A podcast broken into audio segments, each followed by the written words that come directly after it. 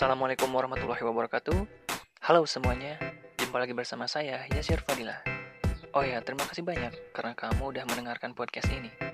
Senang bisa ketemu kamu di sini dan saya ingin berbagi tentang tips pengembangan diri, karir, skills, atau cara yang bisa membuat kamu menjadi lebih baik. Karena saya tahu kamu punya potensi. Mari kita mulai.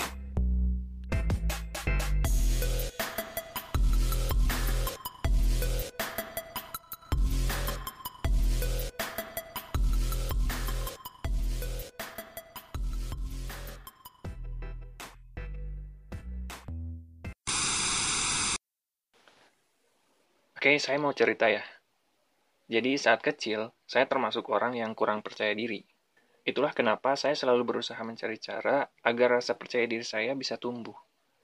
Tapi ternyata prosesnya nggak mudah. Saya selalu berusaha lebih percaya diri, tapi nggak selalu berhasil. Sebagai anak kecil, saya cuma bisa menerima apa pun yang terjadi, meskipun saya ngerasa ada yang kurang. Beranjak dewasa, saya mulai sadar kalau rasa percaya diri itu memang dibutuhkan. Saya nggak lagi menerima apa pun apa adanya, tapi saya justru belajar memperbaikinya. Saya baru sadar kalau apa yang saya pelajari waktu kecil ternyata memberi pengaruh yang besar ke kepercayaan diri saya. Saya sempat belajar pencaksilat. Banyak yang saya lalui selama belajar silat, dari mulai belajar silat untuk pertunjukan sampai untuk pertandingan atau kejuaraan. Ya, saya sempat menjadi atlet silat selama beberapa tahun. Sepertinya itu ngasih suntikan percaya diri ke saya. Selama bertanding menjadi atlet, saya mendapat pengalaman yang berharga. Dari mulai merasakan beratnya perjuangan, kemenangan demi kemenangan, bahkan kekalahan. Setiap kemenangan yang saya alami selalu menambah rasa percaya diri saya.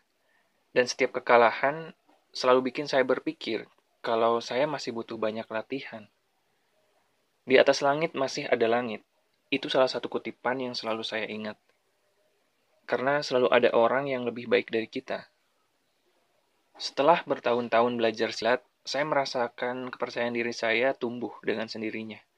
Setiap pertandingan yang saya lalui pun menjadi bukti sejarah perjuangan saya, seorang anak yang kurang percaya diri.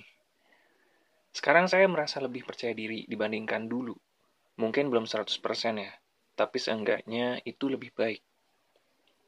Pengalaman bertanding saya pun menjadi penambah semangat untuk terus percaya diri Kemenangan yang saya dapat justru bukan untuk jadi sombong, karena kesombongan hanya akan menjatuhkan kita. Begitu juga dengan rasa percaya diri yang berlebihan. Dan saya belajar kalau hidup bukan cuma tentang menang dan kalah, tapi tentang proses belajar terus-menerus. Ketika saya merasa kurang percaya diri, sebenarnya bukan berarti kalah. Bisa jadi karena saya kurang belajar dan memperbaiki diri.